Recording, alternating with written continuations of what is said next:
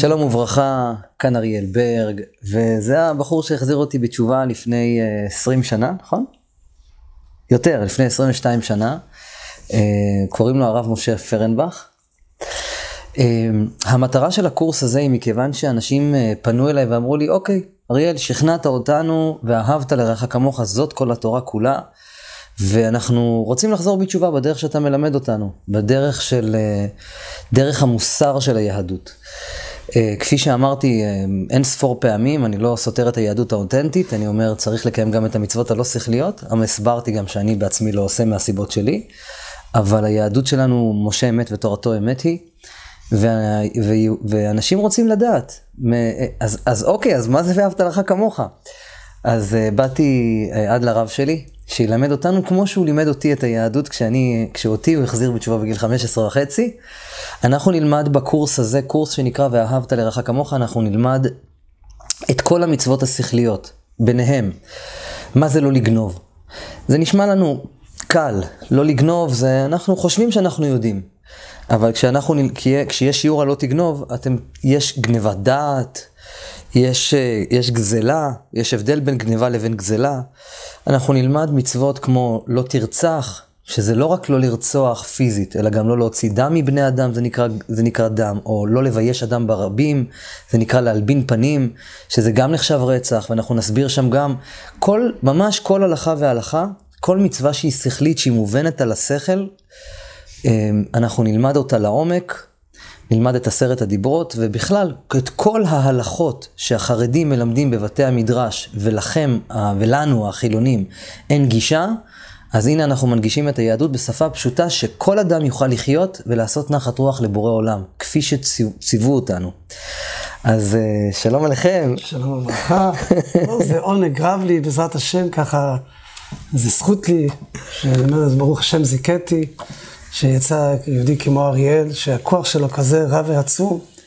איך אומרים, אתה שם, אתה משקיע זרע ואתה לא יודע מה יצא מזה אחרי זה. שלח לך מחר פני המים, כי ברוב הימים תמצאנה. התורה בעיקרון מלמדת אותנו איך להתנהג כמו בני אדם מרוממים. כמו שמספרים על המהריל דיסקין. היה יהודי מאוד גדול שקראו לו המהר"ל דיסקין. רגע, רגע, השפה שלך קצת לא מובנת. המהר"ל דיסקין זה מורנו הגדול, הרב לוריה? הרב לייב. הרב לייב. יהושע דיסקין. יהושע דיסקין, כי הוא היה מדיסקין או שזה היה שם משפחה שלו? הוא היה בירושלים, אבל היה מנהל מוסדות של דיסקין. הוא הקים מוסדות שנקראו דיסקין, כן, אז קראו לו המהר"ל דיסקין. היה אדם מאוד מאוד גדול. והוא, יום אחד, הוא היה חולה סוכר. יום אחד התלמידים ישבו לפניו, והגישו להם את הכוסות תה לשתות. טוב, התלמידים לוקחים את הכוסות תה, מתחילים לשתות, כולם עושים פרצוף, משאירים את זה על השולחן. המהריל דיסקין, החולה סוכר, שותה את הכוס מתחילתה אטומה. מה מתברר? מתחילת מה?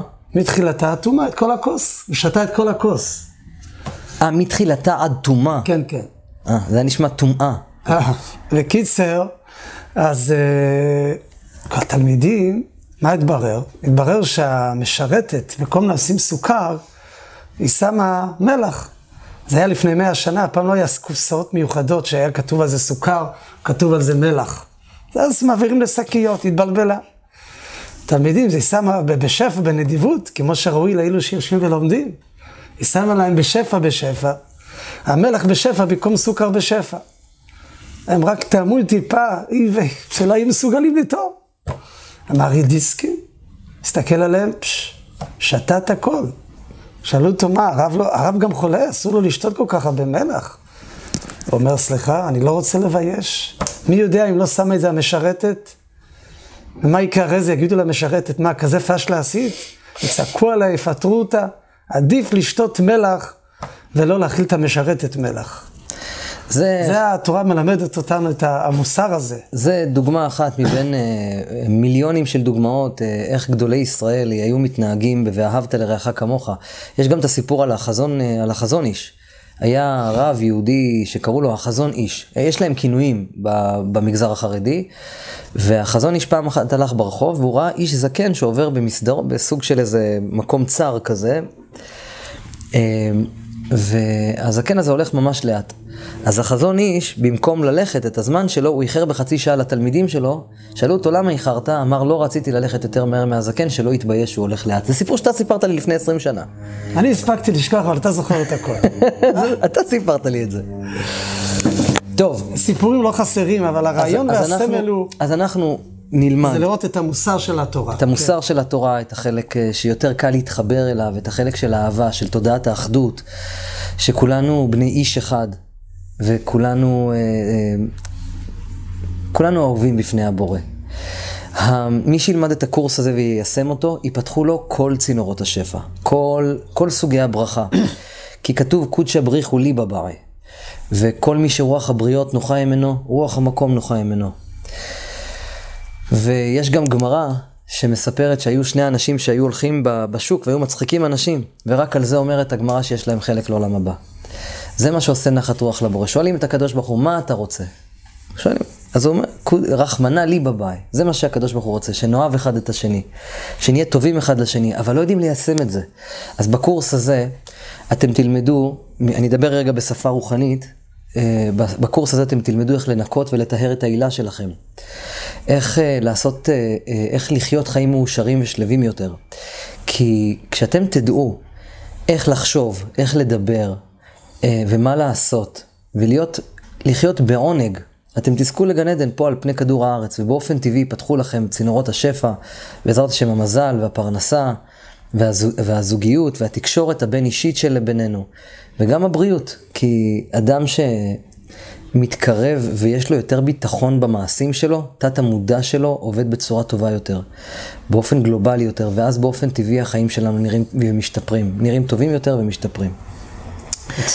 שיהיה לנו בהצלחה, אנחנו מתחילים בשיעור הראשון, אה, אנחנו אה, נתחיל ללמוד, אה, אני חושב שההלכות הראשונות שעדיף שנלמד, זה על... נראה לי הלכות עבודה זרה, שזה היסוד של בן אדם, כן, של תודעת האחדות. הלכות עבודה זרה זה השפה החרדית. כל דבר שכשהרב פרנבך אה, ידבר, אז אני ככה אנסה לתרגם את זה בשפה שיהיה לנו קל להבין. הלכות עבודה זרה זה, זה לא להשתחוות לפסל בעיקרון, אבל הרעיון שעומד מאחורי הלכות עבודה זרה זה להיות בתודעה של אחדות. לא לתת כוח לחפץ מסוים ולא לאדם מסוים, אלא להאמין שכולנו בת... באנרגיה אחת, ועל ידי זה אנחנו מעצימים את עצמנו ואת הזולת. נתראה בשיעור הראשון, שיהיה לנו בהצלחה. נו, נתחיל. איך לשפר לכם את החיים? פרנסה, זוגיות. אנחנו באנו לכאן בשביל להתאחד. יש כוח למחשבה, יש כוח לדיבור, יש שיטה. החיים שלכם מספיק יקרים כדי שתיתנו להם את ההזדמנות הזאת.